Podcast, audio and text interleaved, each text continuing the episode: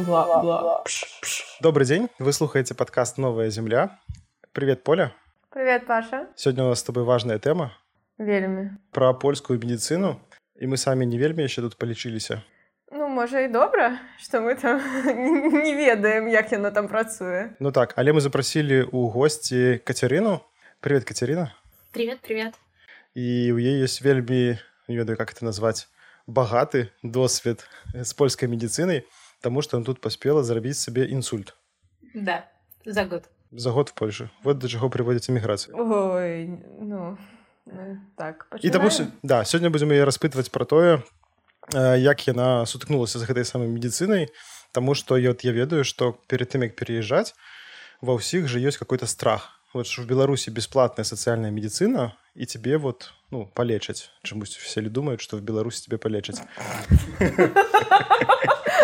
Ну, допустим. Вось. А коли ты поедешь в эти капиталистичные краины, то там все. Ну, как бы вот ты упал на улице и ляжешь. І калі ты не памрэш, то значит табе пашанцавала. А калі памрэш, то хуткая не прыедзе, а калі прыедзе, то табе вы в этом рахунак выставяць 100 тысяч даляраў і ты прадасі нырку і так закончыцца твоё эміграцыйнае жыццё. Ну правда ж ёсць такое? Ну, конечно, ёсць. Ну, і ў Амерыцы, напрыклад, гэта сапраўды шмат каштуе. Ну і, як там далей у Еўропе я не ведаю, напрыклад, у Польшы ўжо збольшага ведаю, як гэта працуе. Але зараз Ка- Кацярына нам распавядзе больш падаецца. Давай про свой інсульт. Як гэта было? Што ты адчувала, калі гэта здарылася? Ну, вообще, на самом деле, ты никогда не догадаешься, если, наверное, если у тебя нет медицинского образования, потому что я вообще не понимала, что происходит. То есть э, предвестники, как потом выяснилось, были вообще задолго до, то есть за неделю примерно я поняла, что я стала плохо видеть одним глазом.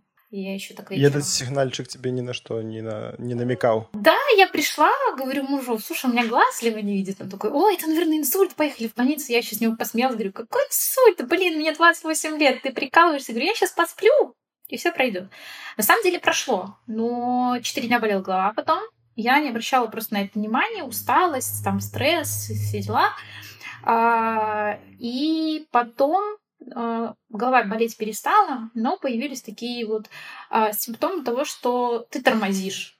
Вот я просто тормозила. У меня голова не болела. Я вот как будто не выспалась, так проснулась, как будто не, недоспавшая, и просто как тормозок а, была какое-то время. А потом постепенно начала ощущать э, такое, как по-польски это говорится, зничуление. Я даже не помню уже, как по-русски это сказать. Зничуление. Ну, э, онемение. А, онемение, да. Все началось с лица. а, на лице стало ощущать онемение.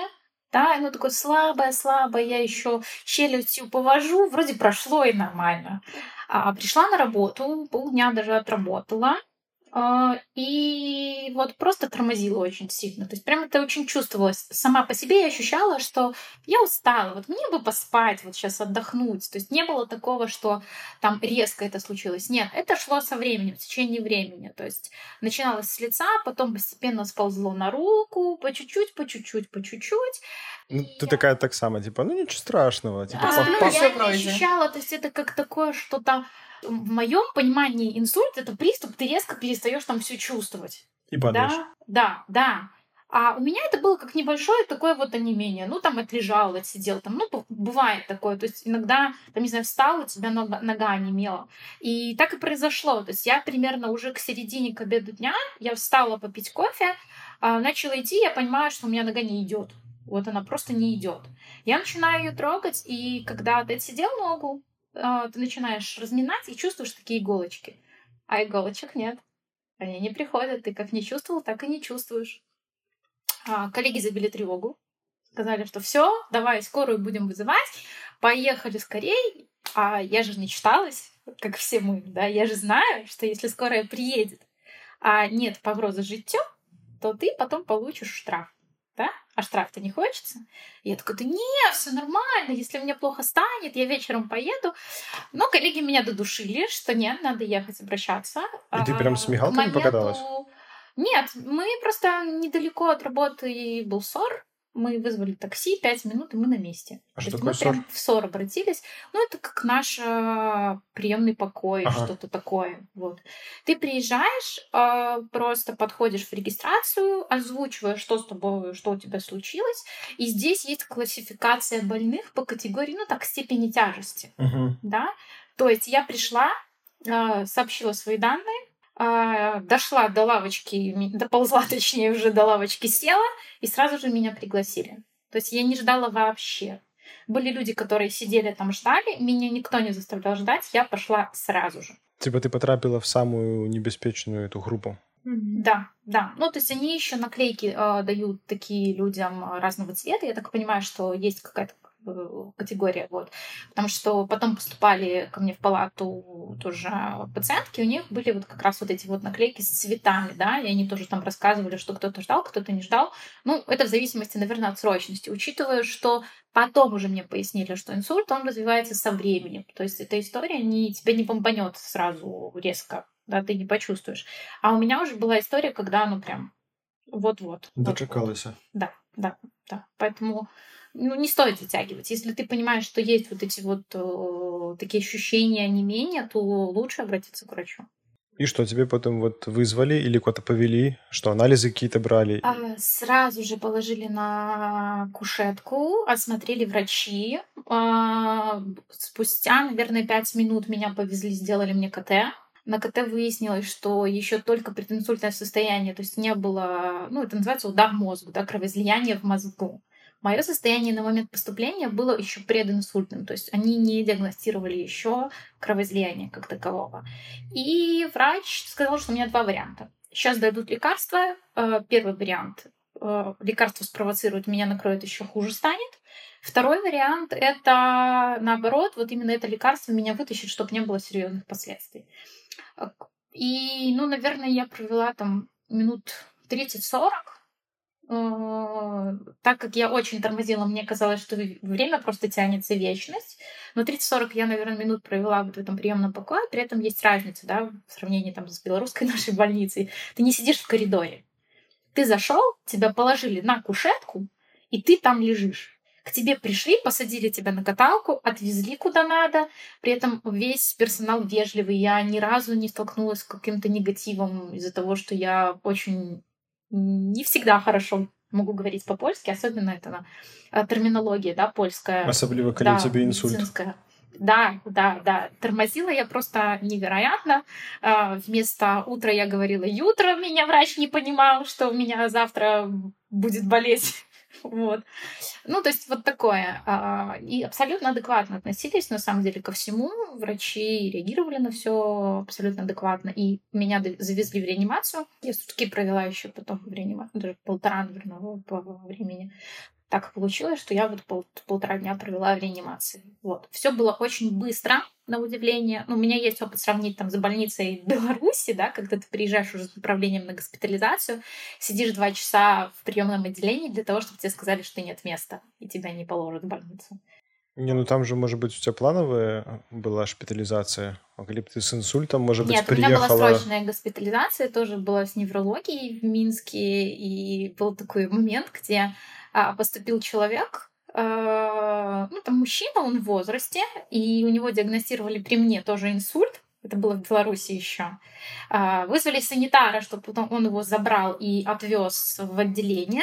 Приходит санитар, подходит к этому мужчине, толкает его там рукой, говорит, что разлегся, встань, вставай, пошли. Ну, это как? Это мотивация. Ну, Да. Иисус Христос вылечил моментально. Вот. Ну. Полечили мгновенно. Вот. Ну, тут такого отношения я не встретила.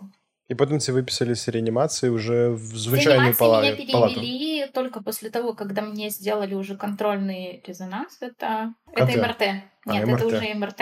А, Диагностировали, что все, инсульт случился в какой степени и степень, ну, тяжести определили. Только потом вообще разрешили вставать, потому что меня даже на МРТ возили только на кровати. Мне было запрещено вообще каким-либо образом отрывать голову от подушки.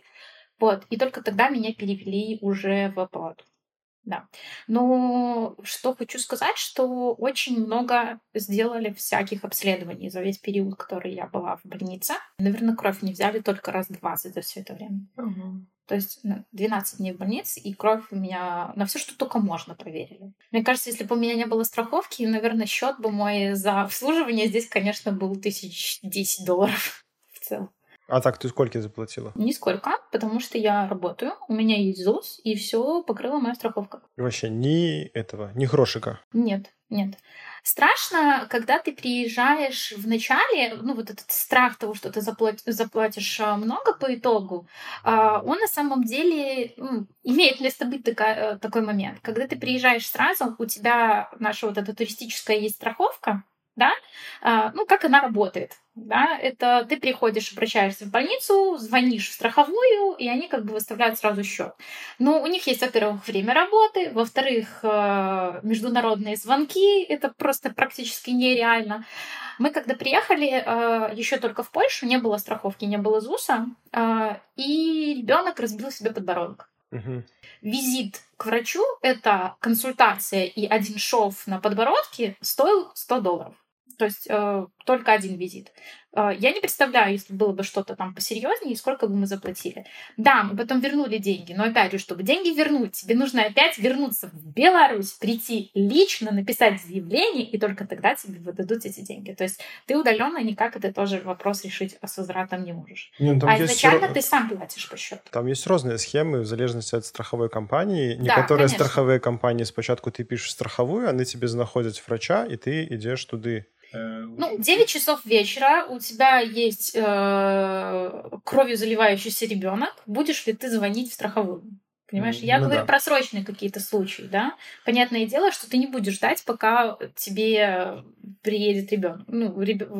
время, пока ты ждешь обратиться э, куда-то, звонить в страховую просто неоправданно, когда у тебя есть какая-то срочная история с травмой. И если ты работаешь, можно даже не работать и платить здесь страховку. Я знаю, что можно страховку ЗУС купить, просто оплачивать ее. Э, если ты в Польше, даже если ты не трудоустроен, э, можно прийти, стать э, в очередь в что-то вроде как у ну, нас... Центр занятости. Центр занятости, да. И будет бесплатный вот этот вот ЗУС для тебя. Либо можно каким-то образом, сейчас знаю, ЗУС оформить за 80 злотых. Я не знаю всех деталей, как это все оформляется, но есть варианты, когда ты можешь вот этот ЗУС даже самый минимальный платить, а, и в то же время а, нормально обратиться в любую там больницу, и, и если вдруг что-то случится, потом не платить баснословные деньги. Ну, а слухай, не было такого, что в больнице э, тебе сказали, вот вы можете купить какие-то себе лепшие лекарства, Потому что Нет. вот когда мой батька потрапил в больницу с инсультом, э, на другий день пасля того, як здарыўся інсульт, врач так тихенько сказал, что вы ведаете, если у вас есть гроши, вы можете сходить в аптеку и купить какие-то там классные лекарства, и оно допоможет, ну, худко обновиться. Мы такие, конечно, купим, но что за проблема? Что ты сразу не сказал? Потому что там же важно, менавіта чым хутчэй ты пачнеш лечение, тым а они такие, типа, как это, прямо не скажешь, что у нас в Беларуси нема в больнице лекарств, э, раптом у нас, мы там почнем скандалить. И он так тихенько, типа, может быть, вы сходите, купите. Тут не пропановали тебе такое, типа? Нет, тут такое не обсуждалось абсолютно. Ну, у меня не такой прям был... Мне очень повезло, что мой случай не был каким-то там сложно клиническим. Да, все лекарства я получала хорошие. Единственное, что было, это э, мне делали спинномозговую пункцию, и после нее есть э, жесткий период восстановления. И так как у меня были проблемы все это время, в принципе, с давлением, а, эта процедура тоже действует на, на всю нервную систему, как бы, и есть последствия определенные. Единственное, что было, что меня очень повеселило, это врач э, пришла и сказала, надо купить Кока-Колу. И чем больше сахара, тем лучше, чтобы восстанавливаться после вот этой процедуры. Мне было смешно, что она сказала это. Я попросила купить, но не пила, и очень сильно пожалела. То есть а, позже мне потом а, доносили эту колу постоянно, потому что действительно помогал. Как ни странно, то есть не, не медицинская какая-то вещь, но вот это вот было... Кола животворящая. Да, да, да, да. да. Коли что, нам не платили покуль еще з коли? Ні. Як Макс Корж, як... про якого ми казали попередньому. Ну. Еще из моментов, что меня удивило, то, что врачи, когда приезжали а, пациенты другие, а, уже в там возрасте, они прям очень детально копались и разбирались, что человек принимает вот на данный момент. А, какие-то препараты позволяли человеку свои пить, да, а какие-то там говорили, вот пока вы здесь лежите, мы заменим вот на это. Вот, но они прям копались. Я в Беларуси такого не встречала. Э, именно в больницах не особо там кто-то спрашивал, принимаете вы что-то или, или нет. Это как бы дается всегда на совесть э, пациента самого. То есть, если ты рассказал, что ты что-то там пьешь, то рассказал. Если нет, то врача особо это не волнует. Он как бы приходит, по пунктикам отметил, что ему надо проверить, и пошел. Бла-бла. Колькі увесь гэты працэс быў колькі ты ляжала ў больніцы А, в общем, когда ты попадаешь э, с такими подозрениями, то 9 дней ты должен обязательно отлежать. А ты сколько была? Это в самом исследовании. Да, я была больше, потому что э, у меня была клиника восстановления после э, пункции очень тяжелая. Mm-hmm. То есть я очень плохо себя чувствовала. Плюс э, не смогли найти какого-то патологии, которая бы вызвала такое состояние. Ну, то бок, э, да, и делали больше все здарылася, яны так Нет, не сказали. Они выяснили, делали больше обследований, ага. просто исключали. То есть ага. ты попадаешь, и тебе начинают исключать все по списку, что может вот подходить под э, такую симптоматику, пока не докопаются до самого главного. И я на данный момент еще тоже, несмотря на то, что уже процесс реабилитации прошел, я все равно еще буду э, проходить повторные многие обследования. То есть угу. э, это будет опять МРТ э, и какие-то вот еще процедуры. Плюс, ну, естественно, еще пока лечиться и лечиться нужно, потому что это последствия такие есть. И это все бесплатно? Ну, таблетки я покупаю сейчас сама, они не, ну, не компенсируются, но это что-то порядка там на месяц 100 злотых, это недорого. А сама реабилитация, то есть я лежала в больнице, а потом мне дали направление на реабилитацию. Я знаю, что реабилитацию многие ждут здесь долго, то есть около года. У меня все направления были срочные, и я ждала реабилитацию, наверное, две недели. То есть меня выписали, я как раз две недели отошла от больницы и привыкла дома, потихонечку училась вообще передвигаться, потому что в момент выписки из больницы я не, смог, не могла даже толком ходить, и стоял вопрос о приобретении вообще коляски. А за это время я э, переборола вообще страх перемещения, потому что было физически тяжело. И потом пошла на реабилитацию. У меня она была стационарная.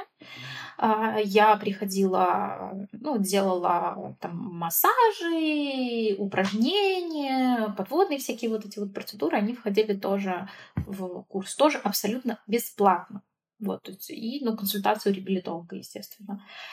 В чем сложности и удивление было для меня, это консультации узкоспециализированных э, врачей, таких как э, невролог и кардиолог. А, меня, когда выписали из э, больницы, мне дали больничный на месяц вперед, ну и дали направление к вот этим врачам. А, соответственно, сразу же надо было записаться. Я записалась, и нужно было обзвонить большой перечень больниц, чтобы найти дату где-то что-то в районе хотя бы месяца учитывая, что у меня было срочное направление. То есть, а, если у тебя есть э, направление к узкоспециализированному специалисту, а, то ты можешь быстро не попасть в Польшу. К примеру, я бы звонила 10, наверное, поликлиник а, по своему городу, чтобы найти там спустя месяц себе консультацию, найти свободное время, при том, что у меня была пометка срочно. С кардиологом все вообще очень грустно, три месяца ожидания. Но а, отличие основное, то, что ты ходишь постоянно в Беларуси к врачу, там чуть ли не каждые три дня, и постоянно сдаешь анализы. Здесь это работает не так. Тебе дают больничный на долгий период. Если тебе плохо, ты можешь обратиться там либо в СОР, это приемный покой, а, либо в поликлинику по записи. То есть ты звонишь утром, говоришь, мне надо такое-то, такое-то, мне нужен, ну, как обычный, получается, терапевт. Ты идешь к обычному терапевту. Вот. И Тут я не ходила постоянно к врачу, я просто ждала там невролога. Я понимала, что если мне будет критически плохо, я в любой момент еду либо в СОР, либо там, если не совсем критически плохо, то в поликлинику. И просто ждала консультации врача. Э, закончился больничный, и в моем понимании как? Выходишь на работу, и потом доходишь просто к этим врачам. Я сообщаю на работу, что я готова выйти, а мне говорят, так тебя ж не было больше месяца тебе нужно допуск взять у врача. То есть надо было ехать специально в медицину працы э, и там брать, э, ну, проходить как обследование, бадание, чтобы допуститься к работе. Э, там меня записывают в медицину працы и присылают, что надо принести с собой бумагу, что мое лечение окончилось. Ха, а у меня такой бумаги нет, потому что я не хожу физически постоянно к какому-то врачу. У меня есть очередь, и я еще жду. То есть я больше месяца уже ждала этого невролога. Вот. У меня была единственная поликлиника, куда я не смогла дозвониться, а, и коллега мне просто вот как раз в эти же дни порекомендовала туда сходить. Она там близко, она мне адрес бросила.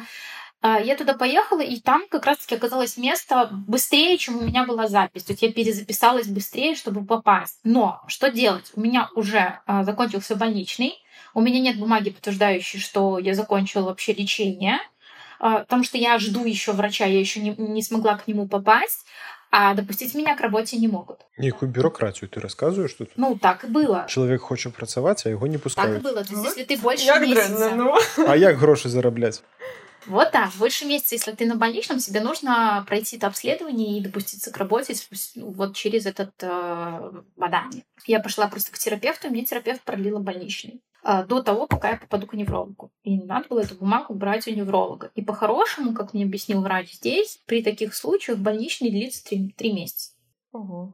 Только потому, что у меня работа в офисе, и она не стрессовая, только поэтому мне дали вот эту бумагу, что мне можно идти на работу.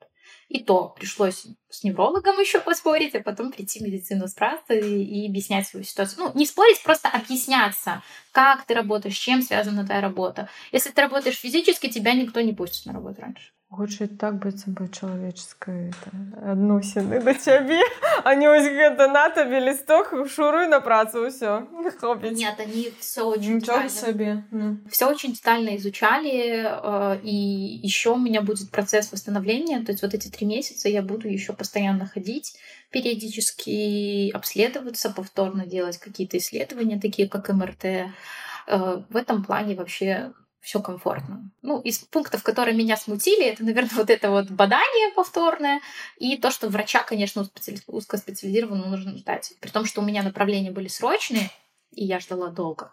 А если это не срочно, у тебя там просто что-то заболело, и ты, представляете, будешь, можешь ждать и три месяца. Вот я так само про это чуў, что калі ты хочешь потрапить до какого-то вузкого специалиста, и ты не помираешь, то ты можешь не то, что три месяца, а год его чекать, там еще что-то. Ну, если говорить даже про терапевтов, то даже когда ты на обычный больничный идешь там э, с вирусом, там температура у тебя, тебе в первый день никто не дает направление на анализ. Если ты температуришь больше пяти дней, только тогда тебе дадут направление на анализы, и то надо еще попросить чтобы обследовать. Окей, не зацікавлена. Я только чую, як хуткая так ездит. И все. Здесь ты вызываешь скорую только тогда, когда у тебя уже есть погроза життю. Ну, это уже всё, Она не просто такие. так ездит. У нас скорая просто так ездить. Ну. Бла, бла. Пш, пш. А як ты себя адчувала з польскай мовай ты добра яе ведаеш як у тебе было з гэтым як ты з лекажамі я работаю на русском языке поэтому за долгий период в Польше я не очень хорошо говорю по-польски. Окей, okay. и как это было? А, Цяжко. Цяжко? Ну добра, а практика ну, была добрая не? Экспресс-курс я заговорила, больничный. Я заговорила по-польски, э, находясь в больнице. Я смогла уже на четвертый день спокойно коммуницировать без какого-либо дополнительного переводчика. Я, я толком не, учи, не учила, но ты же слушаешь, э, ты коммуницируешь в любом случае.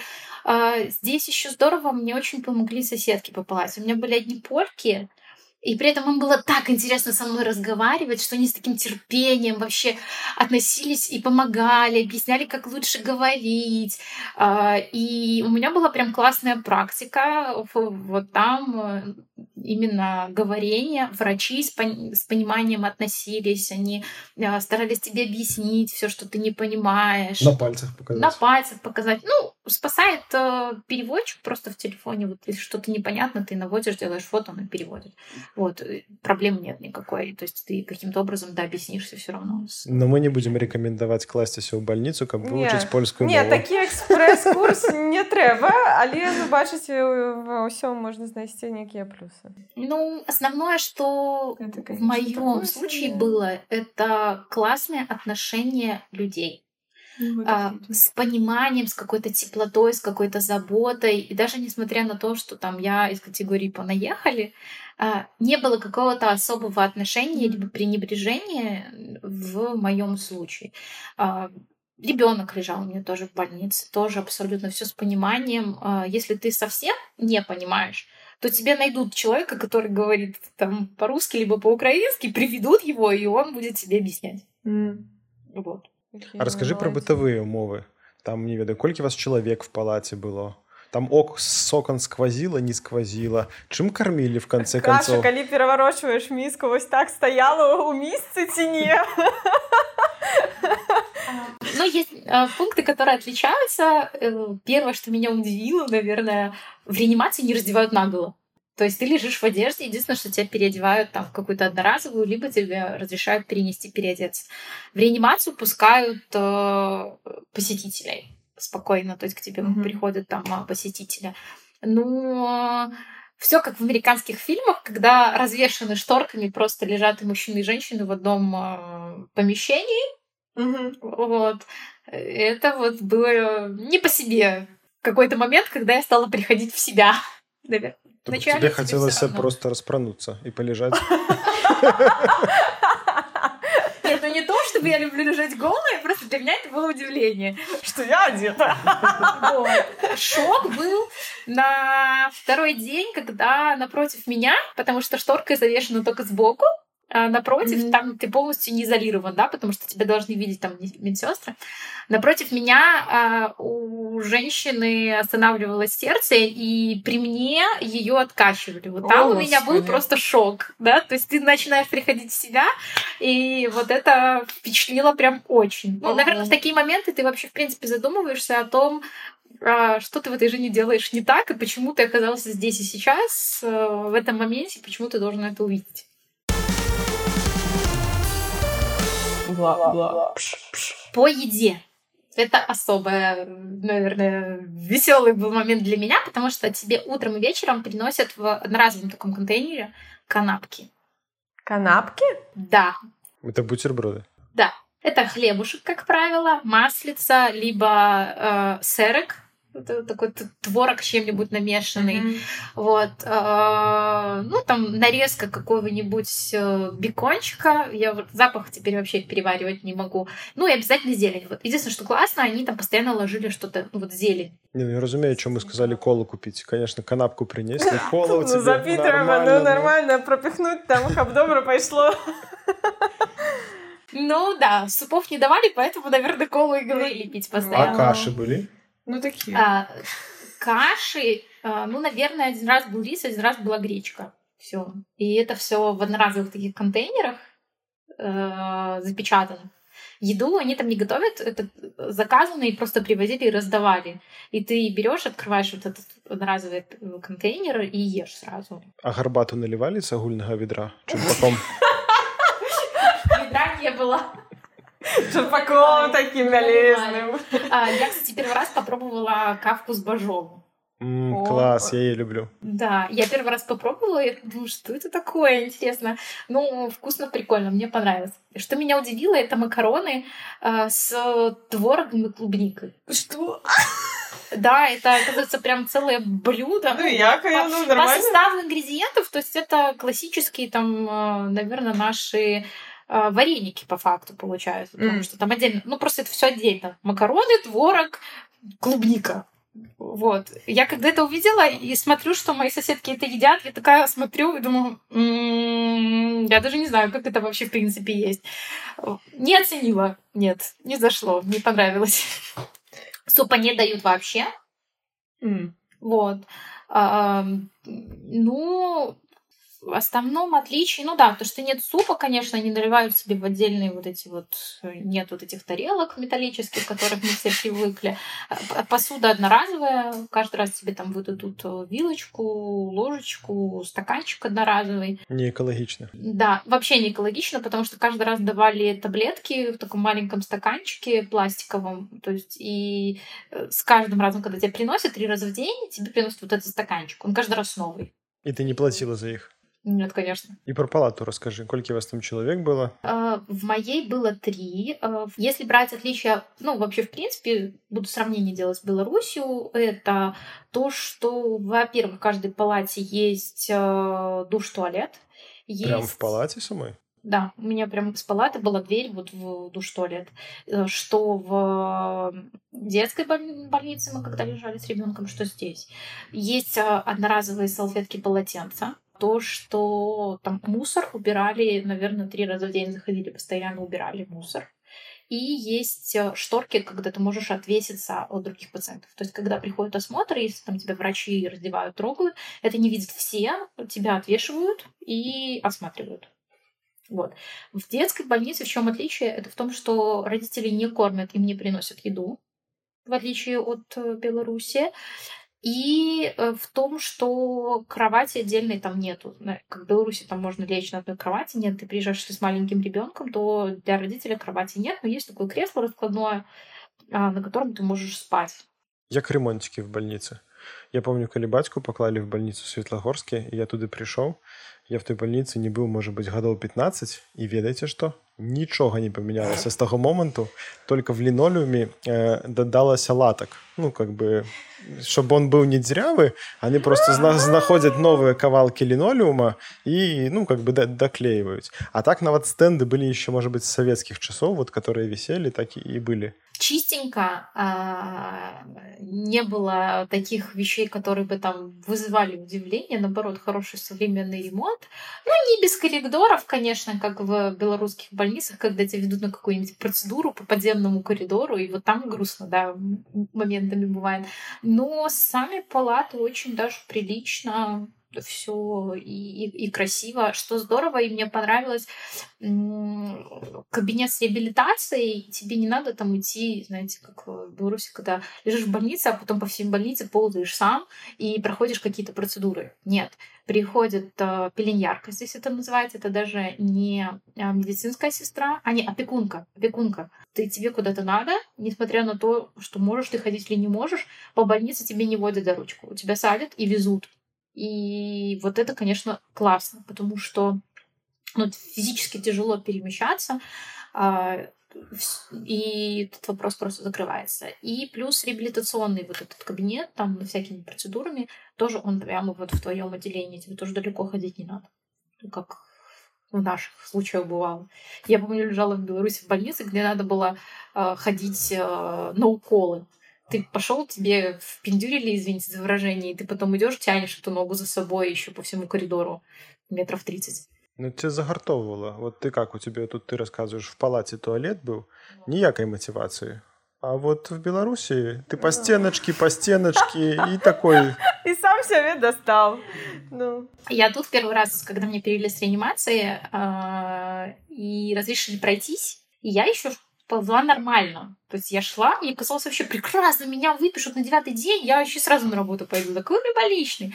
А, и к вечеру а, я встала пройтись даже вот два метра в туалет, и у меня отказала нога просто совсем. И я чуть не полетела головой в тумбочку. Угу. Да? А это я еще в легком была состояние. Есть же пациенты, которые прям очень плохо. И это грустно очень, потому что у меня бабушка старенькая, когда была, у нее был инсульт э, в Беларуси, и в туалет надо было ну, очень далеко. Либо надо орать на весь, на все отделение, чтобы позвать там санитарку, либо медсестру, чтобы тебе подали там судочек. Вот это грустно. Вот тебе и мотивация. Доползи еще в таком состоянии, когда ты еле ходишь. Ну, что-то про грустное про все. Я нешта ну просто ў шоках тому что ну не гэта такая тэма я зараз узгадала я пасля апошні раз калі была я была ў дзядзькі ў бальніцы падаецца і там просто усе ў перамежку шэсць чалавек там просто стаіць такі пах что ты просто такі выпусціце мяне хутчэй навошта ты забалеў ты що дурны навошта ты сюды патрапіў просто ну не ой а і дзядуням о не там зусім все о не Слухай, а может у тебя есть досвед, э, как это, не такой клиничной медицины, когда ты трапляешь, ну, и ты уже помираешь, ну, там тебе выратывают, потому что их, может быть, так само статистику, как не писали эти своими смертями иммигрантскими. А вот медицина такая бытовая. Может быть, ты звярталася до терапевта ці педиатра Ну вот потому что вот ну я напрыклад э, год тут у Польше і я еще нават не запісаўся в нейкую эту прыходню не зарэгістраваўся і трэба это когда-то зрабіць но в принципе я и в Беларуси у меня там 5 гадоў я в больницу не ходил я уже жил в этом в новом районе а картка лежала еще в старой поликлинике вот расскажи про медицину которая вот такое, типа вот сопли заявились, я там не ведаю, отсид у тебя там что-то такое. А, да, мы с ребенком обращались, потому что была адаптация в детский сад, когда приехали сюда, и пришлось обращаться, потому что все-таки лучше в каких-то моментах получить помощь специалиста. Тоже есть отличие. В Беларуси ты приходишь с больным ребенком под температурой 40 и будешь сидеть еще два часа, несмотря на то, что ты взял талончик. А талончик ты взял еще с 6 утра. Пришел, отстоял Все очередь с, с бабками. Ну. Да, да. И не важно, что у тебя есть талончик, ты все равно будешь э, ждать. Э, здесь таких вопросов не было. Когда заболел ребенок, мы пришли в пешеходню в нашем районе, э, записались, просто там зарегистрировались. Если у тебя есть там пейсели, ну, ты э, сгласил своего ребенка в ЗУС, когда работаешь, э, без вопросов абсолютно. Звонишь в 7 утра, записываешься просто и идешь. Можно даже проще сделать, если ты пришел, записывался, и тебе нужно освобождение от работы, потому что ребенок, допустим, продолжил температурить, но нет пока необходимости там идти к врачу повторно, ты просто звонишь и говоришь, мне нужно звольнение. В плане детской поликлиники то попасть вообще можно очень легко и, как правило, день в день. Ты просто звонишь, приходишь, и легко попадаешь. Никогда мы не встречали вот этой вот километровой очереди. С терапевтом та же история, но единственное, что может не быть там а, день в день. Ты можешь, если позвонил не в 7 утра, позже позвонить, то вообще не попасть. Например, ты записался на какой-то час, и ты приходишь, и там не мочерги? Нет. А как так? Ну, максимум там человека два, может быть. Нету вот этого часового высиживания вообще. А чему у нас есть калі таксама талончыкі? Не вем. Цікавае пытанне. Мы обращались в СОР, э, тоже несколько раз. Первый раз мы сбили температуру ребенку, она не сбилась, уже был поздний вечер, мы приехали в пешеходню, вернее, не пешеходню, в СОР, а не в пешеходню. А, и когда вот тогда расположили в больницу, э, то, конечно, процесс был подольше, а, потому что было много людей. То есть там прям был аншлаг, ну, мы, наверное, минут 15 подождали, пока нас позовут в отделение, где принимают детей, и потом в отделении, вот, где дети находятся, нас тоже сразу завели в кабинете, где ребенка можно было положить. Пока мы ждали результатов анализа, чтобы решиться, э, решить оставить нас в больнице, либо можно отправить домой по результатам анализа, ребенку сразу же дали капельницу, чтобы снизить ее вот э, состояние, улучшить, да, как бы с лекарством. Вот, и она лежала. На, ну, то есть там стоят постели с одноразовым бельем, ребенок ложится. Классно, что там не как у нас пришли, попшикали, протерли, а это белье действительно меняется после каждого пациента. Ну и соблюдаются какие-то там минимальные требования в этом небольшом помещении, если оно небольшое, да, в котором мы были, то не дают там родителям по два человека сидеть, чтобы это было комфортно для все-таки всех. Вот. А, ну, второй раз, когда мы приехали, было чутка подольше, наверное, тоже было, ну, минут 20, наверное, мы посидели, но тоже достаточно быстро нас приняли. Ну, плюс классно, что они, когда ты приводишь там а, ребенка, до того, пока сидишь там в очереди, пока тебя распределят, к какому-то врачу попадешь, они приходят сразу же проверяют температуру. Если они видят там огромную температуру, они-то в ребенка, несмотря на то, что ты там мог позже прийти, но примут раньше. Ну, опять же, тоже вот эта вот классификация, наверное, состояния э, тяжелого. А у нас детенку еще налепку дали у педиатра после того, как она на прием сходила. Да, да, наклейки дали. У меня малая так и ходит к врачу, потому я ей все время говорю, пойдем к доктору, который тебе даст наклейку. Пойдем, да, хочу. Да, это здорово. И они еще, они еще разговаривают с детьми, классно, приятно. Вот именно ведут коммуникацию. То есть ребенку не страшно. У меня в Беларуси ребенок вообще очень боялся врачей. Здесь мы абсолютно спокойно ходим. Мы, если идем к врачу, то нам должны дать наклейку. Ну все, без наклейки мы не выходим. Она, если врач забывает, она все время спрашивает. А вот дарослым не даюць я вельмі любіў хадзіць в беларусі в платныя э, цэнтры там дзе эти э, анализы сдаваць лабораторию потом даюць на каву. Так я ведаю. я себе заўсёды шакалад браў гарячы А, Здесь тоже. Дарэчы, гэта клёвая штука, таму што ў мяне калі э, быў нізкі гемаглабін, я амаль адчувала, калі ў мяне бралі, напрыклад, кроў з вены. Я выходзіла, і я разумела, што я бы зараз павалюся, калі я нешта не вып'ю, ну ці не з'ем нешта салодкае. І вось гэтыя талончыкі яны для гэтага ёсць. Што ты бярэш нешта сабе салодкае, я брала заўсёды тыпу там ка э, какао или гарачы шакалад ці што там такое я выпівала і адразу адчувала, што лепш.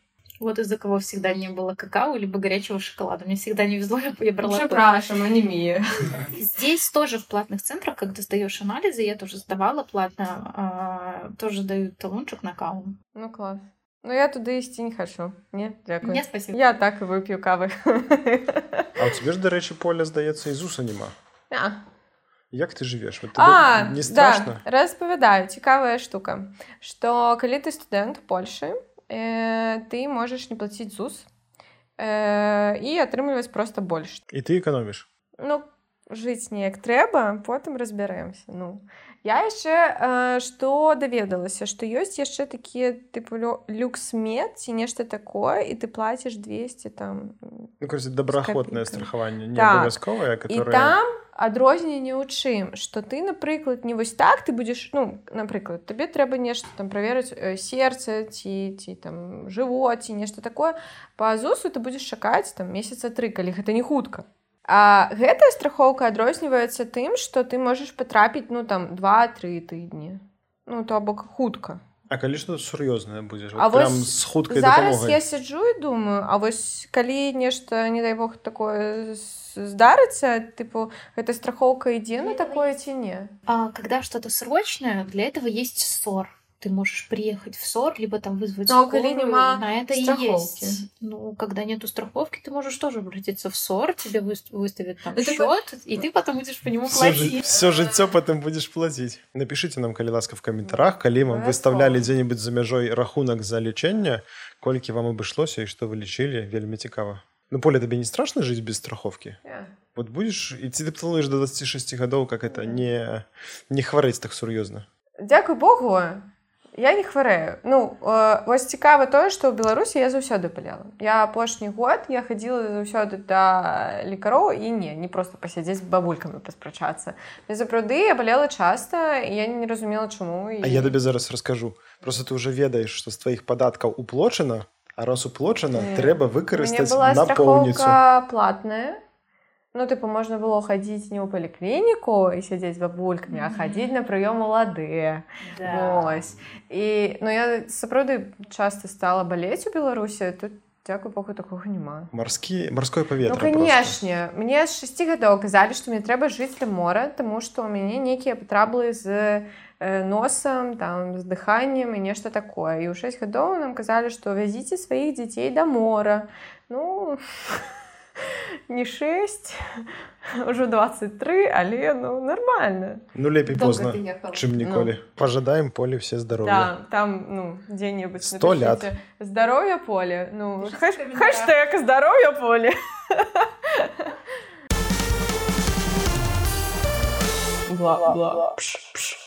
я еще хотел одну важную тэму абмеркаваць это стоматолагі Таму што зноў такі ў Беларусі ёсць такое меркаванне, што калі ты зубы в Беларусі не палічыў, то все потым ты іх нідзе не палечыш, таму што это будзе ну капец как дорага. Але вось напрыклад у... я сам яшчэ не хадзіў в Польшу да стоматолагаў, схадзіла моя жонка і яна аддала ну как бы она сказала столько сколькі в Беларусі бы она б аддала ну, звычайнага платнага стоматолага за пломбу вот ей пломба без э, лечения этих каналов обошлась в 50 долларов. И еще один раз у нас ходила консультация э, доктора, и плюс панорамный здымок там некий, там каляровый, там на 360 градусов. Ну так, это коштовало, по-моему, 30 баксов. Ну как бы это не космос какой-то, не то, что ты там тысячами одразу починаешь Ну, Вы дороже, да. лечили зубы в Польше? Я не, но я могу дакладна сказаць, што 50 даляраў гэта амаль проста схадзіць у паліклініку ось паліклініку на платнай выснове Это про Беларусь. так гэта каштуе амаль тое самае калі мы будзем казаць пра нейкія частныя клінікі гэта будзе ну я глядзела гэта парадка ну 150 рублей ці 200 гэта адзін зуб Здесь ходили мои, э, мои знакомые разговаривать по-белорусски, я уже тоже начинаю подтягивать. Ползучая Да.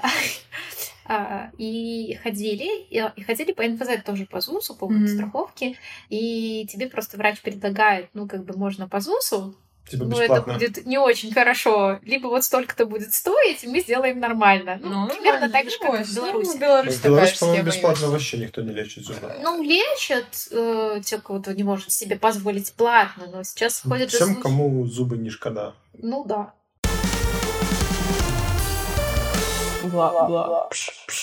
А в конце я еще хочу порекомендовать два цікавых ресурса. Э, Первый называется, это чатик э, в Телеграме, он называется «Медицина в Польше». И там можно у людей все спытать. Там как раз всех, кто хворел, собрались.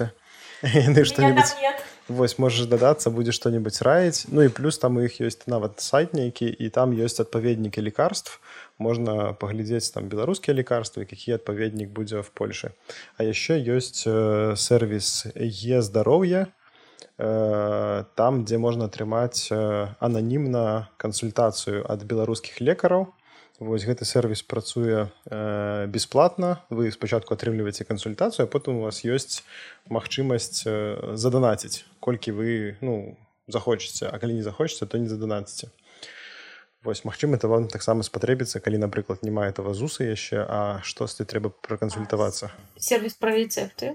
Я не знаю, правда, как он звучит, но можно а, записа- записаться на консультацию онлайн, написать, что какое тебе там лекарство, допустим, надо, если это лекарство продается по рецепту, и получить рецепт таким образом. Ну, то есть при необходимости врачи с тобой свяжутся, конечно же, но если это там история, что просто вот у меня вот такая бумага мне в Беларуси назначали, надо лекарство, то тоже там 40, по-моему, или 50 злотых стоит такой рецепт приобрести, если тебе лень идти до поликлиники.